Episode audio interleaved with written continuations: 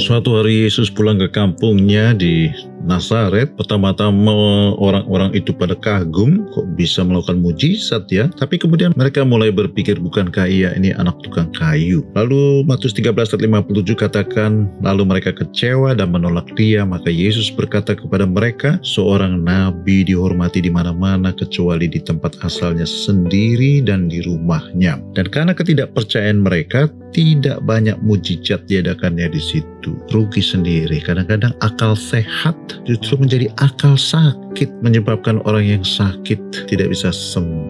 Pak, apakah Tuhan itu menentang kita punya akal budi dan pemikiran? Tuhan tidak menolak kita berpikir, punya pendidikan, tapi masalahnya hal-hal supernatural yang Tuhan lakukan itu supernatural. Artinya tidak alamiah, tidak bisa dipahami dengan teori dan hukum-hukum yang masuk akal. Dan kalau kepercayaan kita, iman kita, keyakinan kita sudah diatur oleh apakah sesuatu itu masuk akal atau tidak, maka Tuhan tidak bisa buat buat apa-apa. Di ayat 58 di terjemahan lain dikatakan dia tidak bisa melakukan banyak mujizat karena ketidakpercayaan mereka.